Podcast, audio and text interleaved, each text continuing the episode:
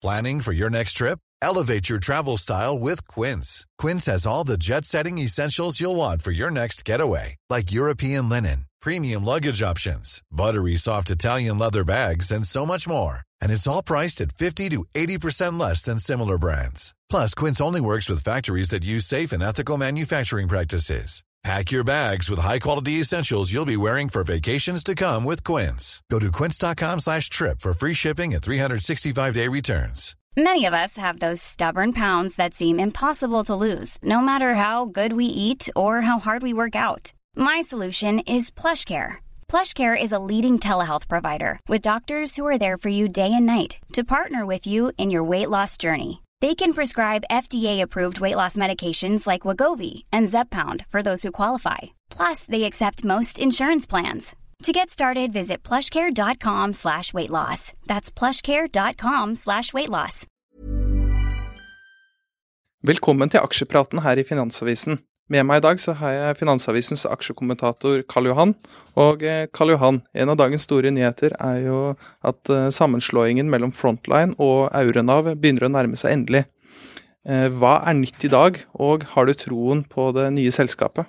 Ja, Det virker som de har nådd en uh, enighet som, de, som, vil gå gjennom. Der krever nå bare at 55% av aksjonærene skal godta det. og Det er 1 til 1,45 i bytteforhold, og aksjene er, Frontline-aksjen er stabil på dette. her. Så Det virker som at de har funnet fram til noe som markedet forventer. og Det blir et stort selskap, og det, det, er klart det er en fordel med Stordriftsfordel er alltid bra eh, i et marked der man får lov til det i et eh, marked som er så fragmentert som oljetankmarkedet er.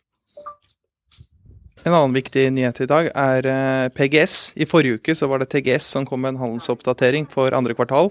Nå er det PGS, og de økte omsetningen med 50% i andre kvartal. Hva er dine tanker?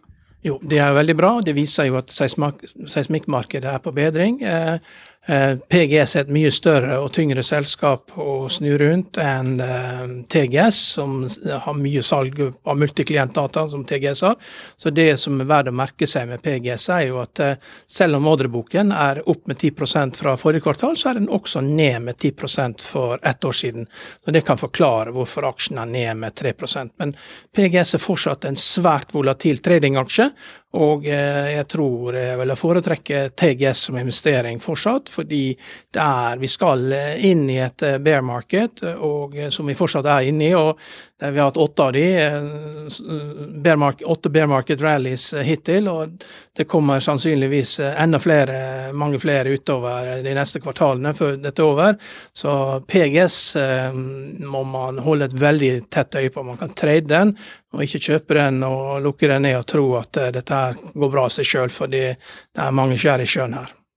En annen aksje som vi må snakke om i dag, er eh, oljemyggen Petrolia, som er ned 25% Hva er det som skjer der?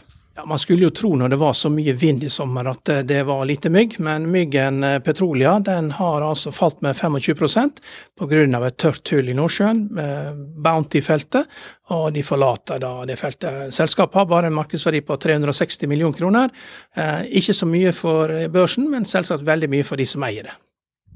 Og I går kveld så kom Danske Bank med et resultatvarsel for 2022 eh, som viser at de nedjusterer forventningene med 3 milliarder kroner.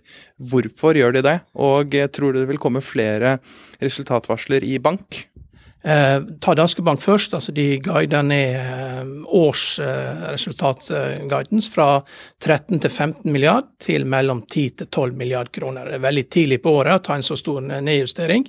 Og dette er sannsynligvis bare den første. Det kommer helt sikkert ny nedjustering i forbindelse med tredjekvartalstallene, og nok en stor nedjustering i, i, når året er omme. Danske Bank opererer en helt annen økonomi enn de andre nordiske bankene. Det er mye mer markedsbaserte vurderinger som må tas til grunn fra obligasjonsmarkedet.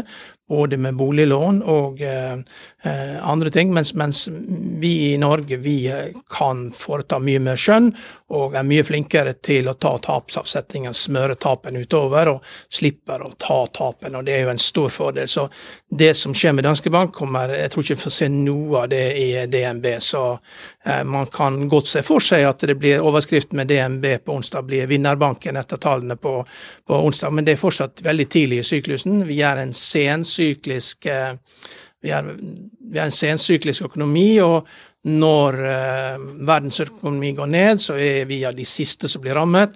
Så hvor ille det blir for norske banker, det vet vi ikke før vi får tallene for neste år. Har du lyst til å lese mer om uh, hvordan det går med bankene og hvordan det går i uh, finansverden, uh, gå inn på finansavisen.no. Økonominyhetene har sommerferie, men det har ikke denne podkast-feeden. Hver dag kommer det aksjeanalyser eh, aksjekommentarer og intervjuer med kjente personer fra norsk næringsliv. Så det er eh, ingen grunn til å legge vekk denne podkasten i sommer. Økonominyhetene er en podkast fra Finansavisen. Programledere er Marius Lorentzen, Stein Ove Haugen og Benedikte Storm Bamvik. Produsenter er Lars Brenden Skram og Bashar Johar. Og ansvarlig redaktør er Trygve Hegnar.